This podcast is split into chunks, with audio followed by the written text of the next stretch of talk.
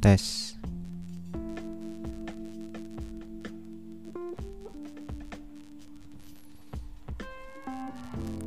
Bismillahirrahmanirrahim. Oke pendengar semuanya. Ini podcast perdana saya Jadi kalau agak gugup uh, Jangan lihat performanya ya Tapi lihat ketulisan saya Untuk berbagi di dunia maya Seperti Saya pusing kalau nggak mewariskan ilmu yang sudah saya usaha ambil dari mana-mana dari kampus dari buku dari internet jam berjam-jam berhari. Lumayan saya invest di situ. Akhirnya harus saya luapkan karena kecintaan saya pada hidup ini. Ya macam-macam orang ya. Ada lead by fears ada by angry ada lead by love kebetulan sepertinya ya semoga aja saya didorong karena mencintai hidup bukan karena marah karena sesuatu. Dan insya Allah saya tidak punya masalah. Ya paling utang dikit-dikit. Oke kali ini kita akan membahas guru menjadi guru-guru amatir lah gitu. Adab-adabnya seperti apa. Versi saya ya ini saya ngutip dari berbagai literasi dari ber, beribu eh kok beribu sih? Banyak-banyak kitab banyak-banyak uh, banyak sumber lah. Dari sumber-sumber klasik atau modern kita adopsi ya. Yang penting bisa diaplikasikan. Uh, yang pertama materi yang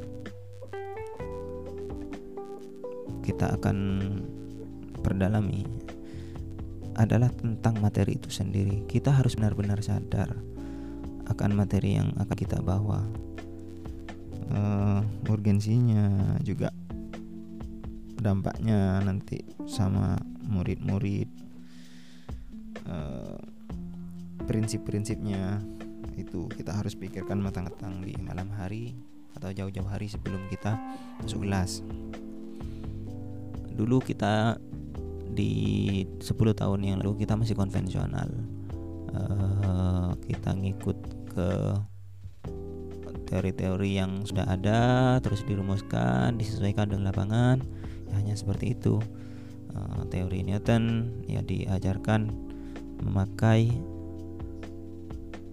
uh, metode ceramah standar lah jigsaw apalah itu cuma sekarang era eranya first principle banyak kasus banyak ini banyak termasuk di sekolah saya uh, ternyata anak didik itu tidak paham pondasi, tidak paham pada dasar-dasar pengetahuan yang apa yang sedang digeluti. Misalkan ditanya di pelajaran matematika, matematika itu apa? Anu, D atau anak gitu. Terus mereka nggak tahu, disangkanya matematika itu hitung-hitungan. Padahal itu logik, logika berpikir atau dasar dari semua yang masuk akal seperti itu matematika. Ilmu tentang prediksi seperti itu. Melihat pola atau menurut Sujiwo Tejo. Nah mereka nggak nggak aware sama yang kayak kayak gitu. Ya mungkin itu adalah warisan ajaran klasik yang yang nggak saya nggak mengatakan salah ya. Miss aja mungkin miss uh, materi matematika dari kurikulum terus menuju ke bawahnya bawah-bawah terus ke lapangan di guru-guru itu menjadi miss seperti itu. Atau banyak faktor kan di 10 tahun atau 20 tahun yang lalu kita itu kekurangan guru. Jadi guru agama bisa aja dipaksa mengajar matematika atau kurikulumnya ada kurikulum Waalaikumsalam.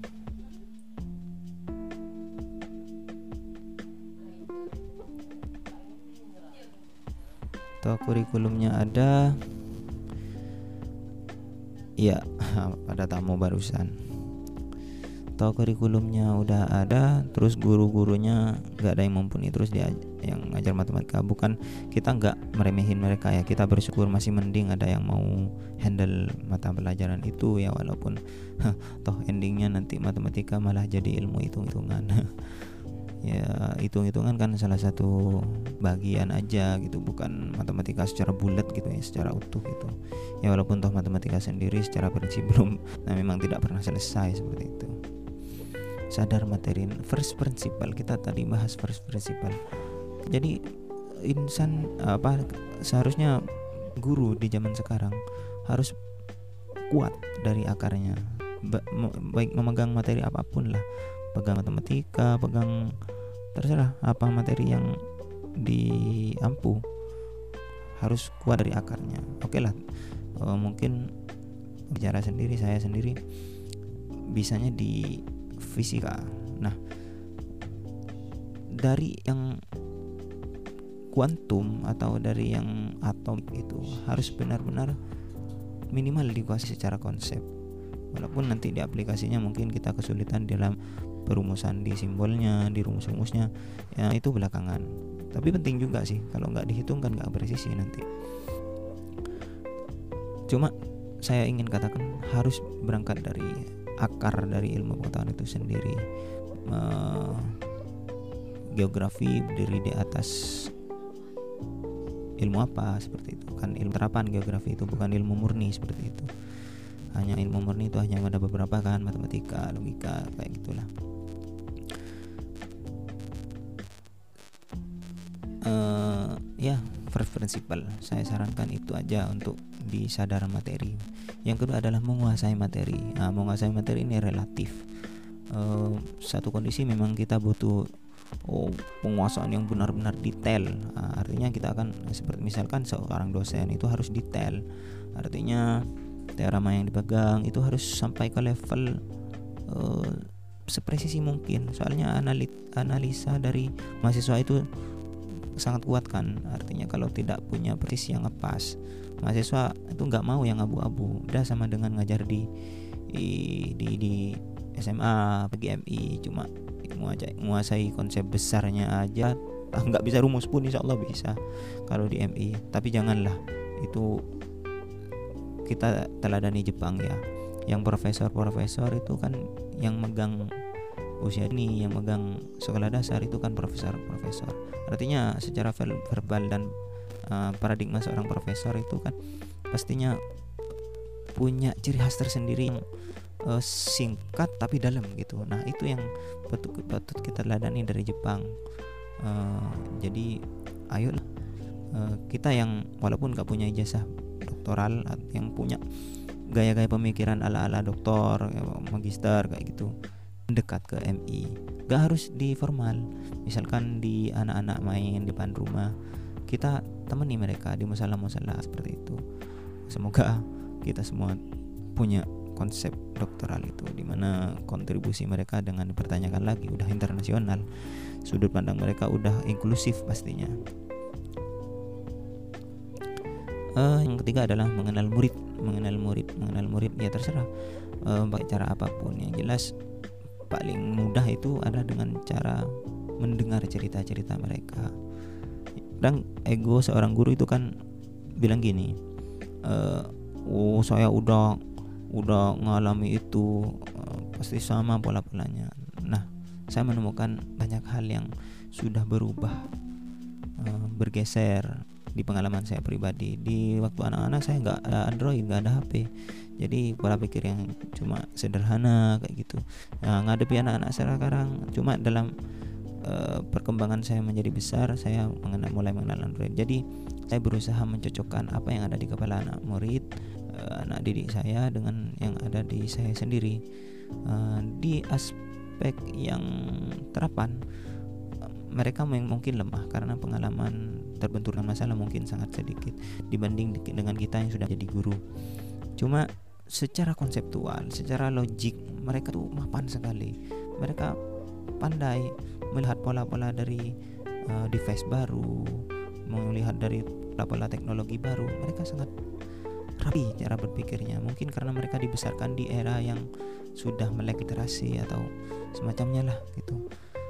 Itu sangat menentukan apa yang akan terjadi atau bola pemikiran yang akan menggelinding bola salju seperti apa yang akan terbentuk di peradaban siswa sekarang itu akan ya ditentukan oleh pola didik di waktu kecil seperti itu. Nah, kita tahu uh, anak SMA sekarang itu kelahiran rata-rata 2002 2003, yang kuliah kelahiran 99 sampai 2002 seperti itu. Kita bisa perkirakan seperti itu. Uh, itu yang yang umum yang mudah. Nah, uh, saya sarankan juga ya terlepas dari halal haram boleh tidak ya? Saya sarankan dari sudut pandang saintifik kita bisa telaah dari primbon atau telaah dari feng shui. Bolehlah boleh boleh menurut saya. Cuma yang yang sifatnya sudah tahayul yang sudah rawan kita mengalami kesalahan. Kan kalau tahayul itu tergantung sama emosional kita. Emosional kita lagi buruk ya bermasalah nanti. Kalau saintifik itu kan enggak dua tambah dua tetap kita di marah atau lagi seneng tetap hasilnya 4 nah itu udah banyak kan feng shui yang pakai hitung hitungan primbon pakai hitung hitungan pakai aplikasi. Ya pakai apa itu? Virgo Libra. Kalau kita nggak pakai sains maka itu saya pastikan haram. Saya setuju dengan pendapat yang mengatakan seperti itu. Jangankan ilmu ilmu astrologi ilmu ilmu yang yang geografi pun kalau sifatnya tahayul janganlah jangan dianut. Itu ya semuanya is it's about, uh, kata kata Pak Sandiaga Uno semuanya tentang preparasi atau uh, tentang prediksi lah semacam itu. Jadi kita berusaha memprediksi apa yang kita temui dengan sedikit perhitungan perhitungan ya sesuai level kita sesuai sempatnya kita. Jangan oh ya pastikan uh, praktek-praktek dari depan ini itu menyenangkan seperti itu. Karena mengajar itu hakikatnya menyenangkan.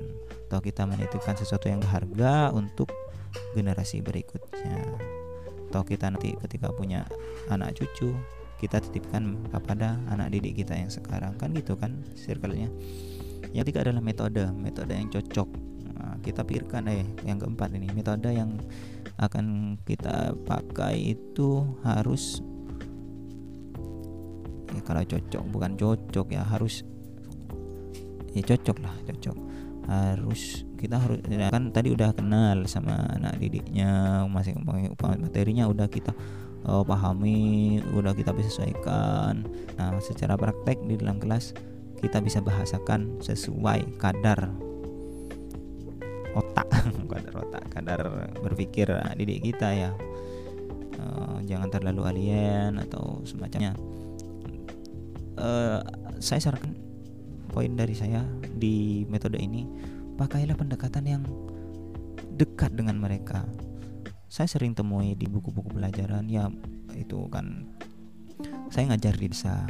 Cuma konsep-konsep yang di soal-soal cerita juga di tes-tes yang ada di dalam buku tuh kayak ke kota-kota kayak gitu. Eh ke kota-kota sih?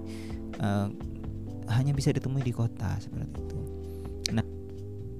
saya tidak menyalahkan bukunya. Yang salah adalah ketika guru itu memaksakan sehingga blank gitu. Sebetulnya itu harus di ada penyesuaian.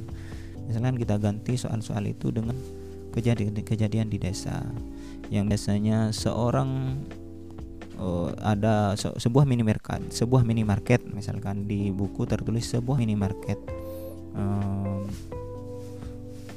berbisnis anu berapa keuntungannya? Misalkan seperti itu. Kita bisa ganti dengan seorang pedagang rumput. Nah itu lebih lebih akan nyantol sama siswa karena metode yang dipakai udah udah matching seperti itu. Uh, ya mungkin ada plus minusnya ya. Mungkin kekurangannya nanti uh, anak desa kurang mampu terlatih untuk mengaplikasikan gaya berpikirnya di konsep kota. Nah, sebetulnya ada manfaat juga, cuma intinya intinya hindari uh, suasana ngeblank di kelas seperti itu. Hindari kita itu menyajikan makanan alien bukan mak makanan manusia.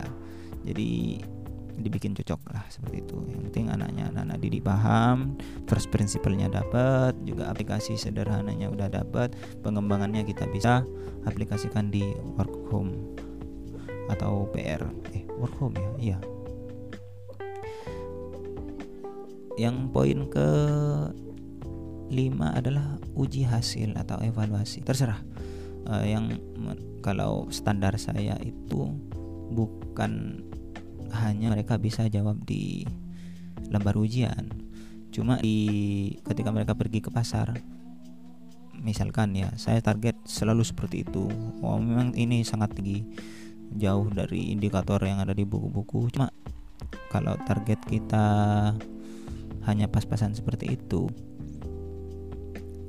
ya seperti yang saya katakan tadi di buku itu kan standar standarnya yang bikin buku. Sementara di lapangan saya menemukan aspek yang berbeda.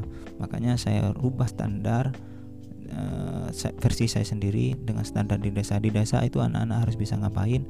Ketika ke kota uh, harus bisa ngapain? Kenapa saya bicara kota desa kota desa kota desa? Karena memang itu semacam uh, tempat asal dan destinasi hulu ke hilir seperti itu. Saya tidak tahu apa konsep kota yang akan menuju ke desa atau desa yang akan menuju ke kota. Saya tidak tahu. Saya paradoks berpikir. Saya tidak tidak tidak uh, tidak tahu. Oke uh, oke okay, okay. ini kita uji hasilnya sesuai dengan apa yang sudah kita ajarkan kita lihat perkembangannya seperti apa tes yang kita bikin saya sarankan tidak melulu harus konvensional seperti biasanya.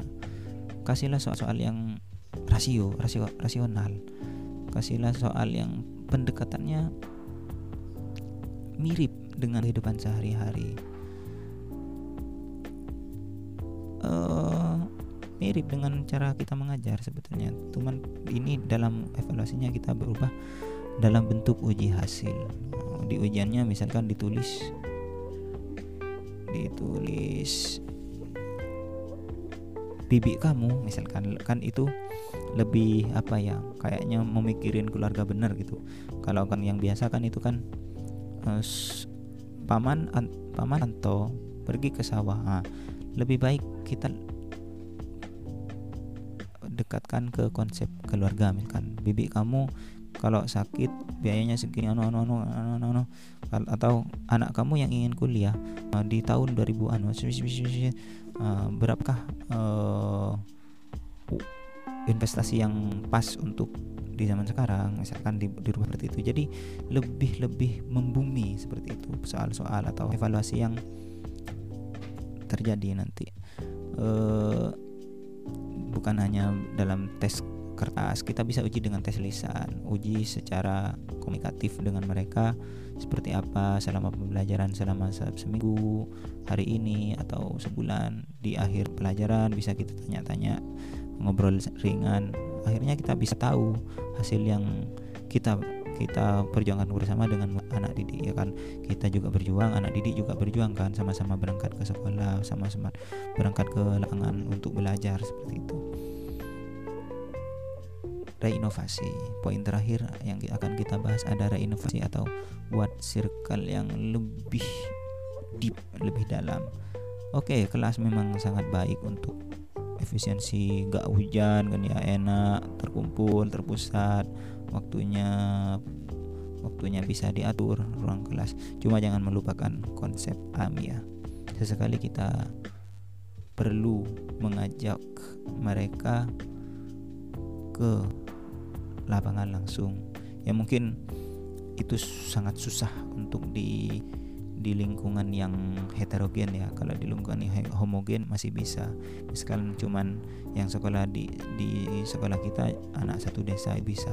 Cuma untuk sekolah-sekolah yang oh, muridnya bermacam-macam nah, itu perlu dirumuskan secara serius. Dan tantangan yang besar selalu menghasilkan uh, hasil yang besar dengan usaha yang dijaga seperti itu. Ya anggaplah hasil tidak mengkhianati proses lah seperti itu. Nggak tahu ya. Uh,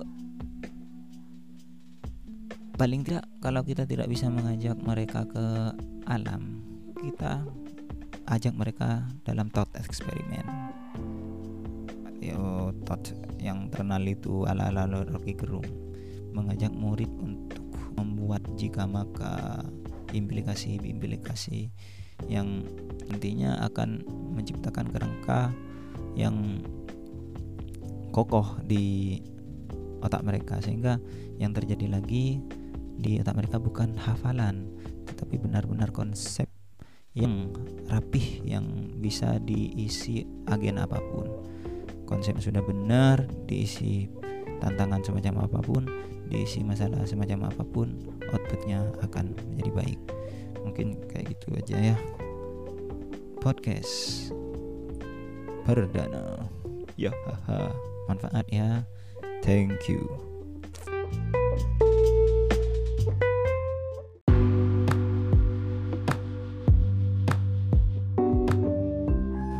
Cek cek yuk podcast kedua. Hehe podcastan sama temen. Jadi nggak serius tapi nggak apa-apa. Ke episode kali ini kita mau ngomongin tentang musik musik Al-Quran sama Al-Quran ya. Uh, kita itu kan seneng sekali sama musik. Cuma di hati kecil uh, mungkin juga kebanyakan orang terlena sampai ngajinya itu jarang termasuk saya sendiri cuma uh, alhamdulillah Allah mentakdirkan saya setiap hari mesti ketemu sama channel-channel YouTube yang mengarah ke Al-Quran, sains seperti itu. Mungkin karena yang saya ikuti, yang saya subscribe uh, semacam gitulah. Jadi lumayan sih buka YouTube yang ada di beranda itu yang kayak kayak gitu. Ada sainsnya, ada musiknya, ada Al-Quran. Dan impactnya ke saya uh, saya pribadi ini ceritanya curhat lah lebih ke curhat. Uh, ke saya pribadi impactnya uh, kadang melahirkan perasaan um, dilema atau ya bingung. Itu paling negatifnya. Selebihnya saya bersyukur. Ada ada apa ya pandangan yang cukup stereo ya yang lebar lah gitu tentang musik itu di mana koordinatnya Al-Qur'an itu uh, seperti apa sebagai wadah seperti itu. Oke, kita langsung bahas dari ayat kauniyah dan kauliyah dulu ya. Ayat kauliyah itu uh, menurut para ulama adalah menyangkut Al-Quran dan hadis seperti itu. Dan turunan-turunannya kayak pendapat-pendapat ulama itu kan kauliyah ya. Uh, di diasuh di dalam naungan bahasa seperti itu bahasa manusia. Uh, yang mana bahasa uh, yang secara fundamental adalah bunyi yang arbitrer. Suka-sukanya aja yang suaranya entah kayak apa yang penting dipahami. Nah Al-Quran itu kan kental sama yang hal-hal kayak gitu katanya katanya Al-Quran berasal dari uh, kadang terdengar seperti bunyi bel oleh Rasulullah. Lalu uh, tapi beliau memahaminya menjadi ayat seperti itu. Nah itu uh, dari situ saja kita sudah punya uh, pertanyaan yang fundamental uh, Al-Quran itu apa sih? Itu apa bunyinya? Apa maknanya? Nah saya nggak nggak ahli di bidang situ ada Gus Baha ada Ustadz Adi di YouTube banyak penjelasannya ini semacam cuma ke fokus ke bukan keresahan ya e, pada unek-unek saja seperti itu. Nah, saya kesimpulan saya e, sementara ayat ayat kaulia itu ya yang yang berbentuk bahasa ya kayak alhamdulillahirabbil alamin. Nah, itu ayat kaulia. Sedangkan interpre, inter, interpretasinya itu selama itu masih berbentuk bahasa di pikiran nah, itu ayat kauliah sedangkan implementasi di kehidupan nyata seperti fisika bunyi, fisika musik, fisika apalah cahaya, laser semuanya itu menurut saya termasuk tanda-tanda kebesaran Allah juga kan. Itu digolongkan sama ulama menjadi ayat kauniyah. yang berikutnya kita melambung dulu jauh ke sains sains itu uh, menurut Mas Abrang berusaha menjelaskan uh, how bagaimana uh, realitas itu bekerja atau terjadi mulai dari fakta yang ada di di luar kita sehingga kita mengindranya menjadi sebuah makna. Itu adalah sains. Sedangkan sedangkan yang berikutnya itu mana mau ke mana nih alam ini kok? Mau ke akhirat atau apa? Itu adalah urusan dari agama. Dan yang menjadi penengah sementara di di di di antara sains yang saya alami selama ini dengan tujuan uh, akhir dari end game dari hidup ini adalah menurut saya titik tengahnya ada di Al-Qur'an. Ya, itu pengalaman saya karena saya dibesarkan di Islam seperti itu. Dan juga eh, kitab-kitab samawi juga disebut di dalam Al-Qur'an. Nah, lumayan uh, menurut saya sih lumayan diulik walaupun ya agak pakai oh ya nggak nggak nggak berani sih nggak berani bilang saya ahli Al-Quran banyak mainnya. Lihat Gus Bah aja ya. Yang kedua eh yang kedua apa ya? Kita lanjut ke sains dari bunyi. Ini akan fokusnya antara bermusik dan Al-Quran. Bunyi. Bunyi itu adalah adalah uh, sebuah makna yang yang lahir dari getaran sebuah materi ting gelas pecah cetar nano uh, kayak bunyi ayam seperti itu. Itu kan interpretasi kita pada ayam yang pita suaranya lagi bergetar terus sampai ke telinga kita kayak gitulah. Eh, saya memahaminya bunyi kayak gitu. Banyak uh, definisi-definisi yang sudah ada di buku-buku bisa dibaca sendiri cuma kan kita uh, ada ada getaran benda terus menghasilkan audio sonik seperti itu dari uh, kalau menurut buku IPA kan ada frekuensinya dari 20 Hz sampai 20 kHz didengarkan sama telinga terus kita punya pemanaan Nah, itu bunyi. Nah, bunyi itu ada macam-macam, ada bunyi yang gak teratur. Itu namanya noise, kayak bunyi hujan, bunyi air terjun, bunyinya pink noise itu kalau yang suka studio-studio ada white noise dan semacamnya. Nah, musik itu kita uh, kita sekarang pindah ke musik. Musik itu adalah noise yang dior diorganisir. Ya saya ngutip dari pendapatnya Mas Abrang sih, gak original dari saya sendiri. Tapi saya sependapat dengan beliau. Uh, bunyi yang terorganisir. Ya kan ya noise termasuk noise juga bisa jadi musik sebetulnya kak. Kita bikin film terus uh, nuansa air terjunnya menjadi kelengkapan tersendiri untuk konten yang kita bikin. Seperti itu musik. Jadi musik adalah suara yang terorganisir. Hmm. oke kita pindah ke dunia pesantren ya. Di pesantren itu ada banyak pendapat yang berbeda-beda tergantung pengasuh sama asal muasal kiai yang mendirikan pondok pesantren. Di pondok pesantren saya sendiri termasuk yang tidak mengharamkan pada musik. Akan tetapi dalam kitab-kitab yang dikaji itu tetap uh, mempelajari ulama-ulama yang mengharamkan seperti kitab Bidayah dan Safina. Itu di dalamnya dijelaskan alatul malahi alat-alat yang bisa melupakan kepada Allah itu dijelaskan di dalamnya. Cuma sebagai hazanah nah, tapi uh, kok kok kok kok gitu? Uh, kan pasti pertanyaannya seperti itu. Pesantren ngajinya kitab yang menghalalkan alatul malahi alat atau alat musik. Tetapi kok boleh musik-musikan di yayasan atau di pondoknya?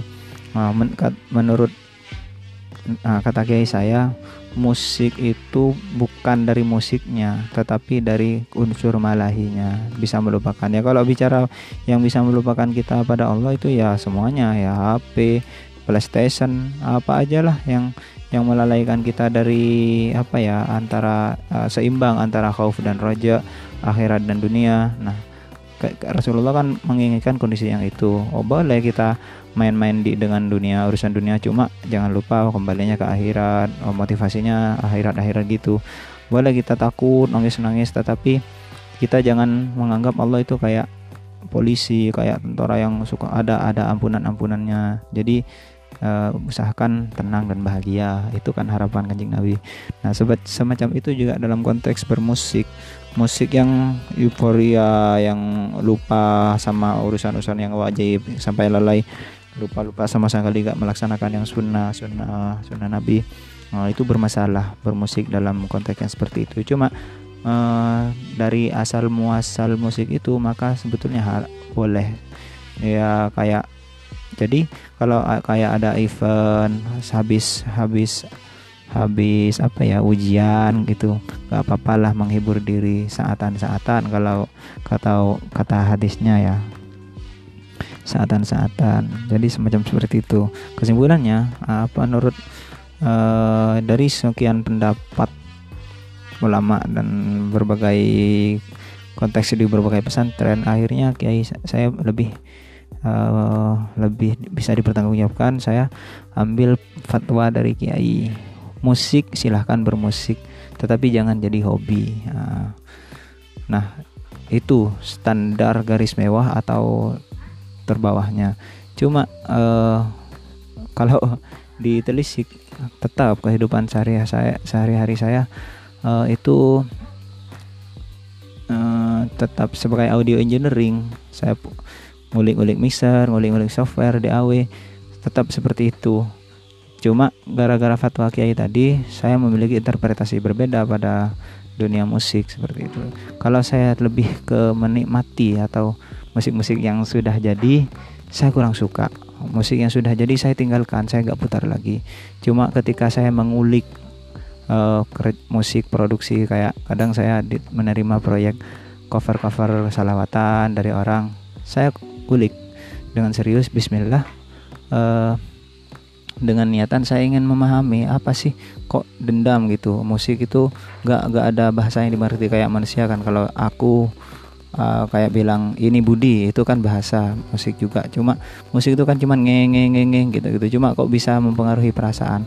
Nah saya dendam saya eksplorasi saya berusaha saya berusaha uh, seperti apa audio, engineering sampai ke detail-detailnya kompresi uh, efek dan juga semacamnya. Saya lumayan usaha untuk dalami.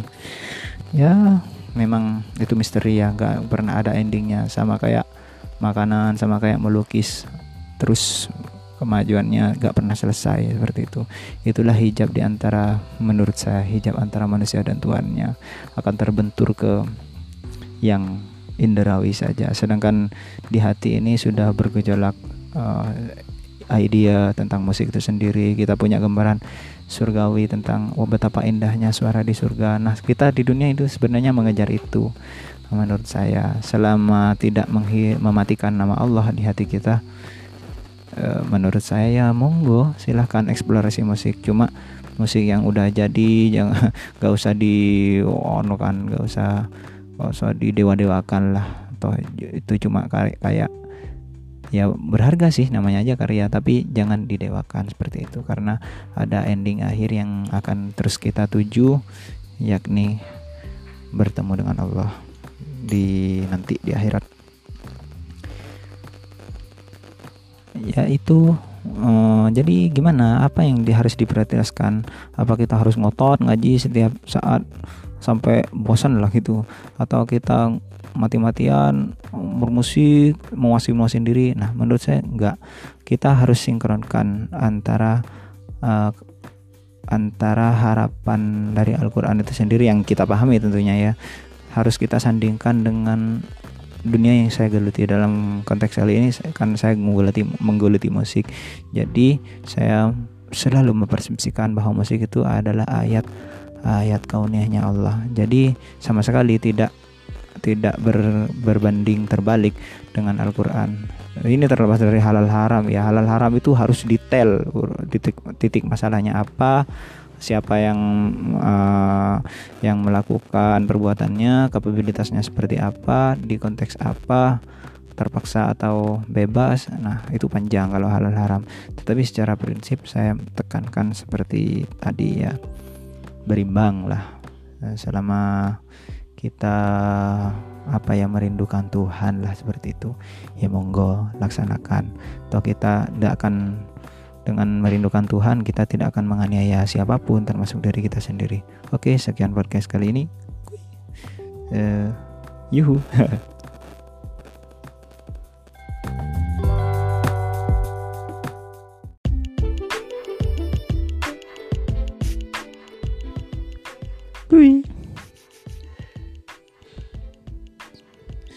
Di sekali ini kita akan explore di tema menjadi guru elektro ya. Guru elektro. Eh emang ya nggak semua uh, lini atau orang familiar dengan istilah elektronik. Cuma jangan di, di, dikesampingkan arti dari elektro itu sendiri itu banyak ditemukan di dalam kehidupan sehari-hari HP kita ya TV kabel semuanya. Paling tidak kita uh, ada kesadaran dasar dari elektro itu sendiri. Makanya di menjadi penting tema menjadi guru kok guru semua ya guru musik guru apa dari depan di podcastnya. Karena sebetulnya ketika kita menjadi murid pada saat itu juga kita menjadi guru sebetulnya nggak ada bedanya antara guru dan murid.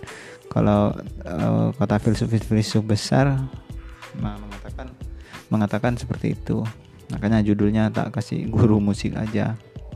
Guru elektro seperti itu. Ya ya skip.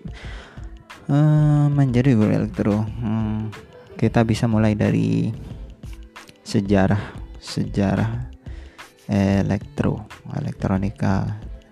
Dulu dulu waktu zaman zaman masih mekanik setelah ditemukan roda di masa-masa ada yang bilang di masa purba atau dulu lah intinya dulu waktu teknologi masih sebatas pesawat sederhana lah. Yang sifatnya mekanik tuas pengungkit dan kayak gitu yang yang ada kan kita lihat di film-film di buku-buku sejarah seperti itu.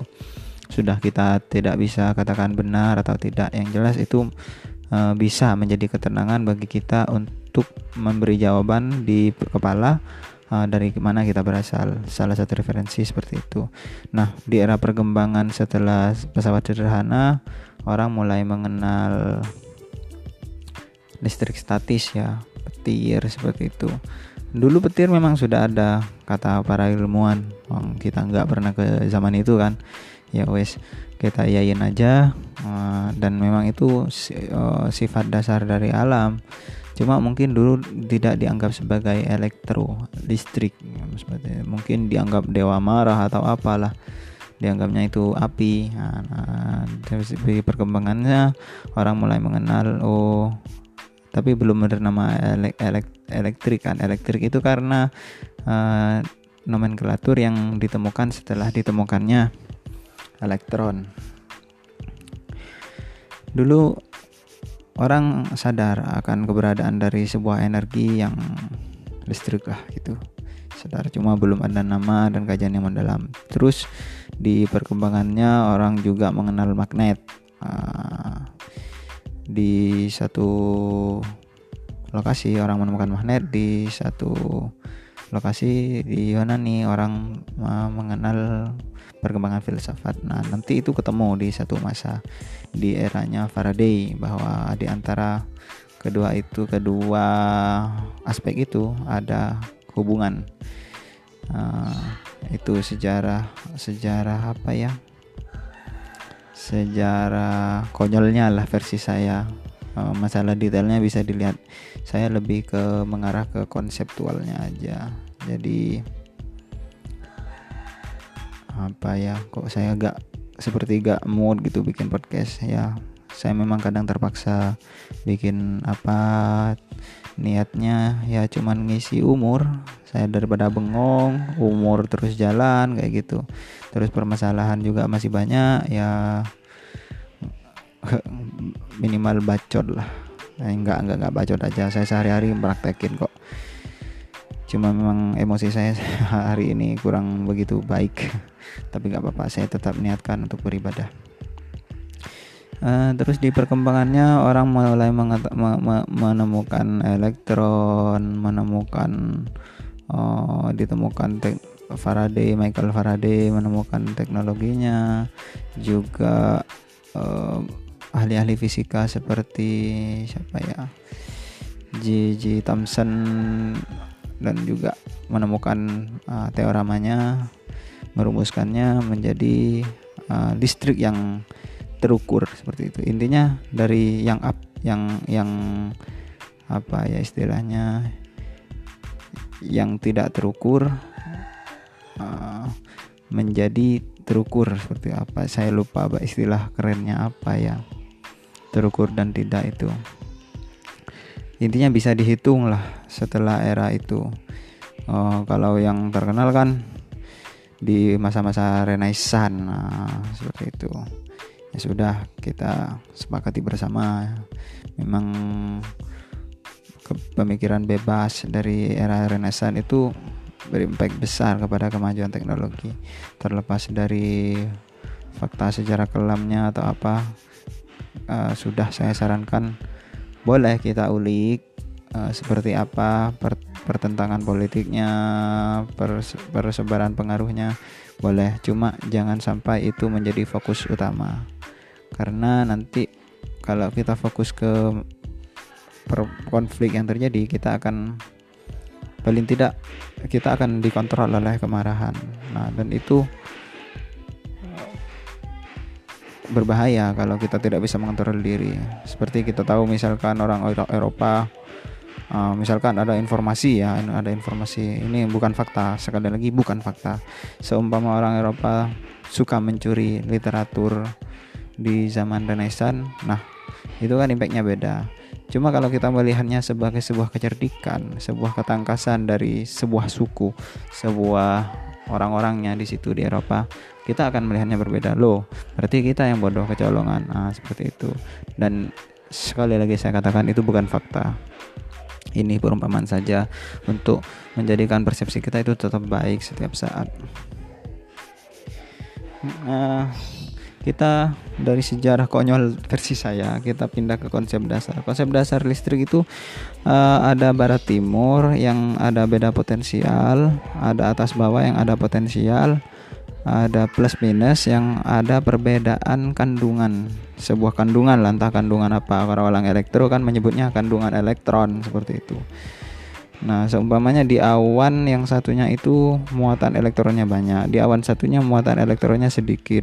Jadi ak, ak, untuk menyeimbangkan antara dua awan di barat dan di timur itu maka harus ada lompatan listrik. Nah, nah seperti itu konsep dasarnya Nah, kalau awan itu kan besar, jadi lompatannya menjadi besar juga, menjadi terlihat oleh kita sebagai manusia biasa, eh manusia super melihatnya juga pasti seperti kilatan seperti itu.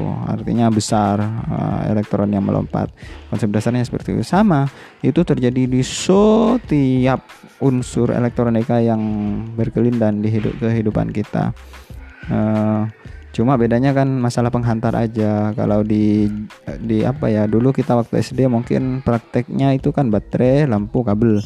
Ya, perantara perantara listrik listrik yang terjadi itu kan dari dari dubur baterainya apa sih. Kalau baterai itu yang moncongnya di atas di bawah uh, elektron itu ngalir di dari bawah terus ke lewat kabel ke lampunya terus ke moncong baterai yang bagian atas itu yang plusnya elektron seperti itu. Nah, listrik itu terjadi kebalikannya. Uh, dia dia itu dari plus uh, itu kan cuma konsep dari manusia. Cuma kalau di uh, filsafat atau di di kejadian yang asli uh, dari min sebetulnya elektron berjalan. Nah itu di konsep listrik yang sederhana untuk menyalakan bola lampu seperti itu sama kayak lampu-lampu di rumah kita prinsipnya sama. Uh, dan itu berlaku di konteks yang lebih besar di papan-papan televisi, di lampu yang kita nyalakan, di di HP. Cuma itu mempunyai konsep yang lebih rumit seperti itu. Nah, kita nggak ke sana ya.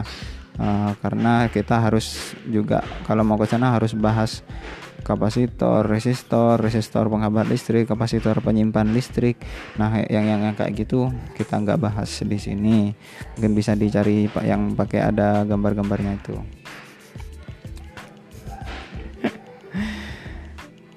Itu konsep dasar. Uh, intinya ada plus minus ada dua kutub yang berbeda. Listrik itu harus uh, sifatnya ingin menetralkan satu sama lain. Nah itu yang dimanfaatkan oleh kita untuk aktivitas smartphone seperti itu kan. Pada dasarnya smartphone, komputer, oh, semua teknologi yang elektrikal itu berbasis ke baterai itu plus minus. Nah, di antara laju elektron dari minus ke plus itu ah, listrik dari plus ke minus itu kita punya banyak kepentingan. Diakali dibuat chip dibuat IC untuk kepentingan kita sehingga bisa muter MP3 dan semacamnya. Nah itu tanya ahlinya. Itu panjang itu. Bukan hanya panjang ya nggak akan selesai selesai itu kalau dibahas. Terutama di era sekarang. Wah kompleksitasnya udah uh luar biasa. Oke. Yang kedua terapan. Terapan elektro itu ada yang alami ada yang ada yang kita kerjakan dengan tangan. Yang alamiah itu kita terapkan di di apa ya? Enggak bukan kita yang menerapkan malah alam. Di petir juga uh, ada kegiatan di karpet karpet khusus. Atau atau kita punya balon yang bergesekan dengan eh, bahan-bahan kain wall itu akan menimbulkan reaksi alami ya uh, misalkan bisa nempel di dinding nanti balonnya coba aja banyak di YouTube tutorial. Yang yang versi manusia penerapannya itu seperti yang saya katakan barusan di untuk musik ya musik ya audio visual itu banyak. Di teater sendiri peranan listrik itu wah revolusi. Dulu orang teater mungkin cuma pakai api unggun. Sekarang udah pakai flasher pakai apa itu? Lampu sorot. Nah itu elektrik itu. Luas sekali ya.